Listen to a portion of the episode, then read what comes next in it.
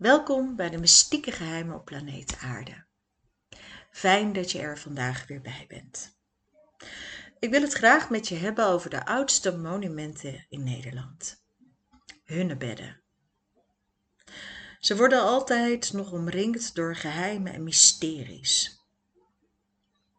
Zoals je weet is Nederland een vlak land. Er zijn hier geen bergen of rotsen. En toch vind je in Drenthe binnen een straal van 30 kilometer de restanten van 53 prehistorische grafkelders. Sommige bestaan voor meer dan 20 ton uit rotsblokken. Hunnebedden.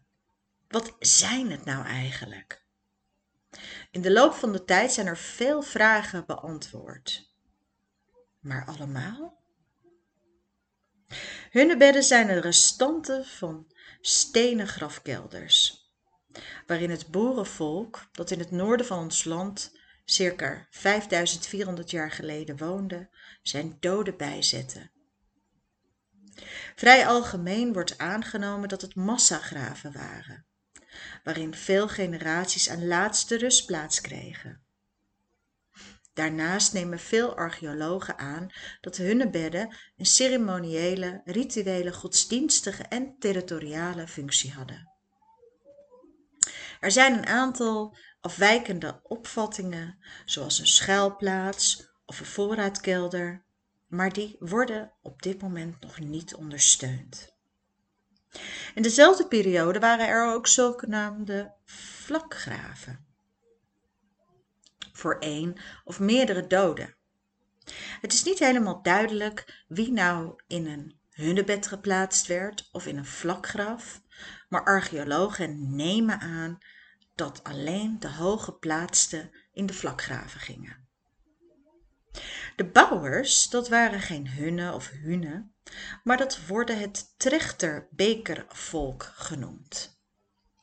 Naar de vorm van het meest voorkomende type aardewerk dat in de hunnebedden werd aangetroffen.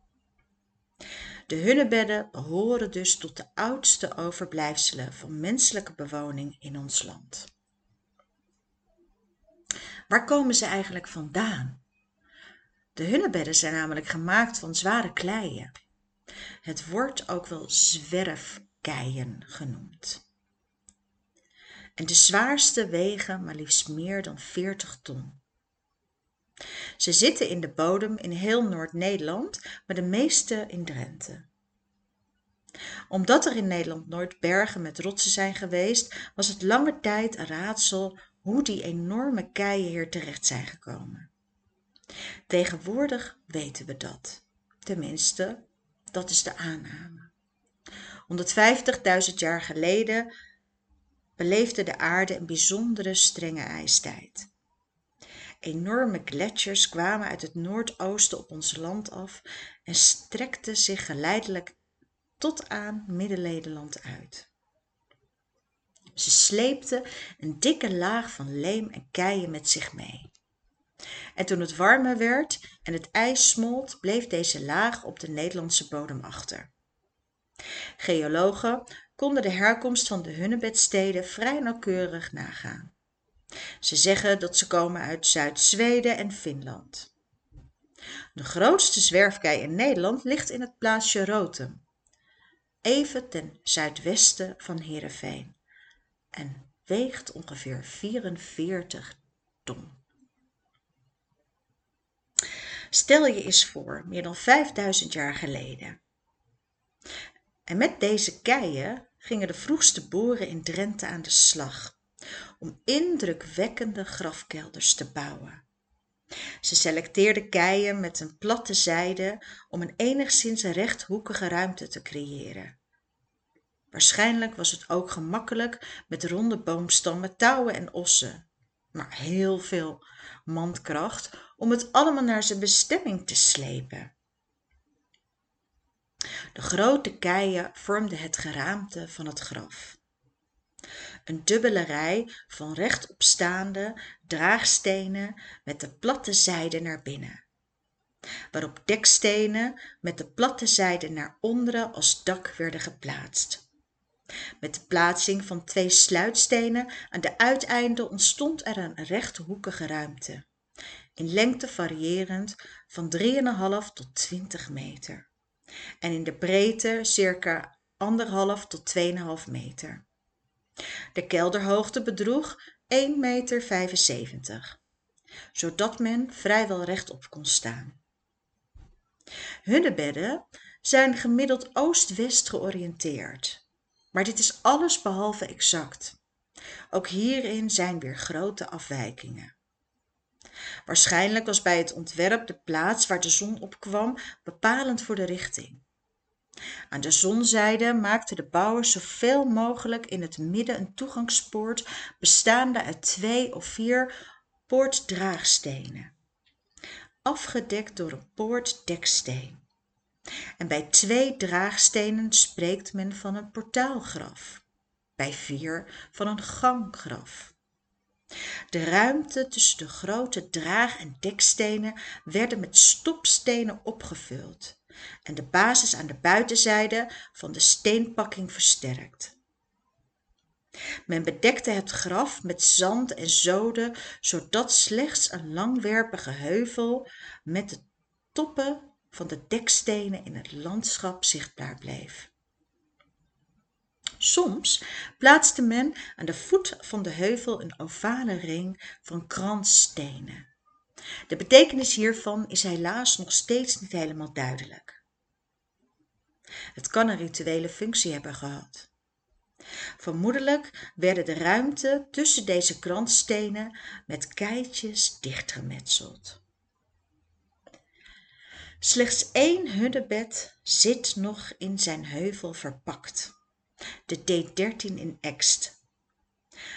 De overige zijn allemaal ontbloot. De leeftijd is een lange tijd een groot raadsel geweest. Door de moderne technieken konden wetenschappers de ouderdom van de voorwerpen in de grafkelders opgraven en vaststellen. Ongeveer 5000 jaar geleden. Dit betekent dat archeologen spreken over het neolithium of nieuwe steentijd. Het markeert de tijd waarin jagende en vissende nomaden zich min of meer permanent als boer in een bepaalde streek gingen vestigen. Het neolithium begon in onze streken ongeveer 4400 voor Christus. De eerste hunnebedden verschenen ongeveer duizend jaar later en ze werden in een relatief korte periode gebouwd. Tussen 34 en 3200 voor Christus, maar ze bleven lang in gebruik. Na 3850 voor Christus was de periode van de hunnebedden weer voorbij. En daarmee ook de trechter-bekercultuur. Opvolgende generaties begroeven de doden in grafheuvels waarvan in Drenthe, maar ook daarbuiten nog honderden te vinden zijn. Trechterbekers maakten plaats, eerst voor de standvoetbekers, daarna voor de klokbekers. Het neolithium ging vanaf 21 voor Christus, hersteld 2100 voor Christus, geleidelijk over in de bronstijd. En dat betekende een definitief einde aan de steentijd. Over de bouwwijze bestaan alleen maar theorieën. Vroeger dacht men dat de hunnebouwers sterke reuzen waren. Hunnen, vandaar de naam, zoals Obelix in Bretagne. Het mysterie van de hunnebedden, met buitenaardse krachten. Wat was het werkelijk? En hoe hebben ze deze enorme prestatie neer kunnen zetten om zulke gigantische grote en loodzware zwijkerven keien bijeen te brengen en op te stapelen? De theorie die het praktisch en het meest bedacht is, is dat de keien met de platte zijde door middel van hefbomen op houten rollers of sleden werden gezet en met behulp van touwen, ossen en mandkracht naar de bestemming werden gesleept maar het blijft uiteindelijk een raadsel. Ook kan je erover nadenken waarom die hunnebedbouwers met zulke enorme collectieve inspanningen hun doden wilde eren en een tijdsbestendige rustplaats geven. Dit moet wel een zeer sterke voorvaderlijke verering zijn geweest en een rotsvast geloof in het hiernamaals. Niet alle nederzettingen hebben de kennis en de kunde in huis gehad om een hunnebed te bouwen. Er zijn waarschijnlijk ook groepen geweest van specialistische kerels die op bestelling mogelijk het gereedschap brachten. Stel je eens voor, wie waren dit nou? Waren het mensen met grote krachten? Wie oh wie, we zullen er nooit achter komen. Waren het misschien Noormannen? Door archeologen is dus het trechterbekervolk dat wat ik aangaf genoemd als het volk wat het waarschijnlijk heeft neergezet. Tentenkampen werden overal opgeslagen en ze kwamen aan de kost door de jacht, de visvangst en het verzamelen van natuurproducten. Ze bezaten ossen, koeien, geiten, schapen en varkens. Ze hadden geen kippen, maar ze hadden wel honden. Wat zit erachter? We weten het nog steeds niet. Zoals ik al aangaf, er zijn 54 hunnebedden in ons land, waarvan 52 in Drenthe en 2 in Groningen, 1 in Noordlaren. Het is benoemd met letters, ik noemde het net al. Dus de G1, die zit in Noordlaren. En er is er ook nog eentje, die is uitgegraven en die zit nu in Delfzijl. Dat is de G2, daar kan je gewoon naartoe. Oorspronkelijk zijn er zeker 88 geweest, maar vermoedelijk misschien zelfs wel over de 100. Van 34 zijn er sporen gevonden, dus in Groningen, twee in Overijssel en één in Friesland. Maar zoals we al aangaven, de meeste waren in Drenthe, in de hondsrug van Borger en Emmer, met een opvallend centra. Tegenwoordig zijn alle hunnebedden genummerd. Ik ga dat zo met jullie nog bespreken. Er is eigenlijk geen enkele hunnebed meer compleet. Van vele ontbreken één of meerdere dek- en draagstenen. En van de meeste zijn de poort- en de kransstenen verwijderd. De afbraak begon al in de middeleeuwen, toen deze zogenaamde heidense tempels het op godsdienstige gronden moesten ontgelden en de stenen voor de fundering van kerken werden gebruikt. Omstreeks 1730 werden Drentse keien, waaronder de Hunnebedsteden, handelswaar, toen de zeedijken moesten worden vernieuwd, omdat de paalworm in de houten dijkbesnoeiing de zeewering toesloeg ondanks dat het in 1734 uitgevaardigde verbod van de drost en de gedeputeerde staten van Drenthe werden enkele duizenden zwerfkeien, waaronder hunnebedsteden, op transport gezet naar andere oorden. Het was een tijd van godsdienstijver en ordinaire verniel- en hebzucht, wat het verval van de hunnebedden in gang heeft gezet. Als gevolg daarvan bevonden zich de meeste hunnebedden aan het begin van de 20e eeuw in een zeer slechte staat. En toen er in 1918 een inventarisatie plaatsvond, waarbij er slechts 16 stuk het predicaat in goede staat kregen. De rest was vernietigd. Het was vreselijk. De professor die het allemaal onderzocht, meneer Van Giffen, hoofdleraar archeologie in Groningen onderzocht de inhoud en hij markeerde alle plaatsen. Het vrijwel in oorspronkelijke staat herstellen van de hunnebedden vormde de kroon op zijn werk en deze kan je zien in Schoonoord. Het hunnebed genaamd D49. Zoals ik al zei, Rond 1870 zijn alle hunnebedden op één na door het Rijk en de provincie opgekocht. Er zijn er nog 31 stuks in eigendom van het Rijk en 21 van de provincie. Die professor van Griffen, Giffen, zoals ik net benoemde, die heeft aan het begin van de vorige eeuw in tientallen hunnebedden voorafgaande aan de restauratie uitvoerig wetenschappelijk onderzoek verricht. Ontzettend veel voorwerpen zijn er gevonden. Bij de ene heel veel en bij de andere helemaal niets. Ook dit maakt het dat er geen pijl op te trekken is. Het aardewerk heeft bijvoorbeeld ook verschillende vormen. Behalve de trechte bekers vond men lepels met een holle steel, bijvoorbeeld zuigvlechtjes, maar ook draag, hals, flesjes, schouderpotten, schalen en emmers. Menselijke resten zijn er nergens aangetroffen. Maar het kan natuurlijk dat die inmiddels allemaal verteerd zijn. Wat er ook allemaal is aangetroffen zijn bijlen, pijlpunten, sieraden. Je kan het zo gek niet bedenken. Ook in andere delen van het land zijn er hunnebedden. Behalve in Noord-Nederland zijn ze ook aangetroffen in Zuid-Zweden, Denemarken, Polen en Noord-Duitsland. De grote ganggraven, zoals hunnebedden, werden echter alleen op die plaatsen gebouwd waar in de bodem grote zwerfkeien voortkwamen. En dat was dan ook in Noord-Duitsland en Denemarken het geval. Kleinere steengraven komen in een groot gebied voor. Het slepen met die enorme rotsblokken bleef dus niet tot alleen onze cultuur beperkt.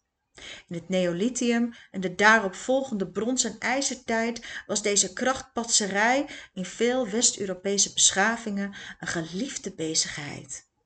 De Britse eilanden, België, Frankrijk, Spanje, Corsica, Sardinië en Italië. Ze hebben allemaal deze enorme monumenten. Sommige net als de hunnebedden een graffunctie, andere een rituele of een astronomische betekenis, zoals bijvoorbeeld Stonehenge in Engeland. Maar denk ook aan de Karnak in Bretagne. Ja, de hunnebedden. Hoe zit dat nou precies? Dat is de grote vraag.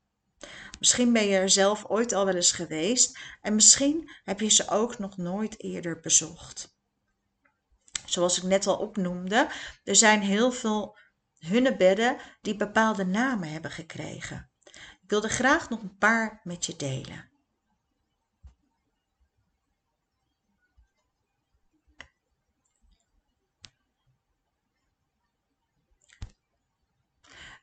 Je kan dus overal op websites kun je dus de hunnebedden vinden.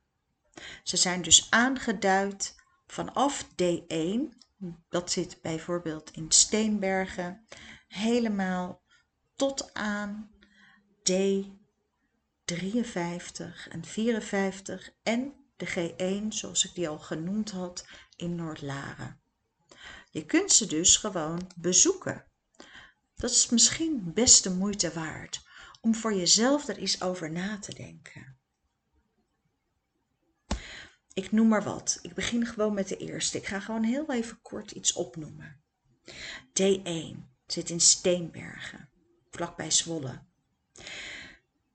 Het was ook een Drentse benaming voor de hunnebed. En het is afgeleid. Wat het bijzonder is, is dat er in een reisverslag in 1811 door Nicolaas Westendorp al verteld werd over de hunnebed. De kelderinhoud die nooit wetenschappelijk onderzocht is, maar een hunnebed die vaak gerestaureerd is. 1953, 54, 65, 93 en 97.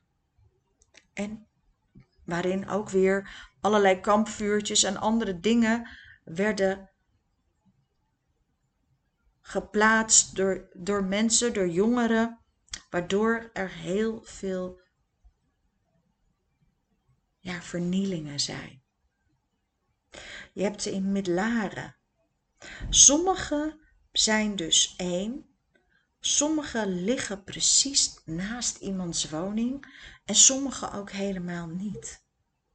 Het is echt ontzettend leuk om hier voor jezelf eens onderzoek naar te doen. En ga ook eens invoelen. Op hunnebeddeninfo.nl kun je heel veel vinden. Je vindt ze allemaal. En ook zijn er diverse rondleidingen. Een stukje van Nederland en in Nederland. Wat zo'n groot mysterie is en waar we nog zo weinig van weten. Nogmaals, ik ga nog even terug. Meer dan 5000 jaar geleden. Boeren of jagers.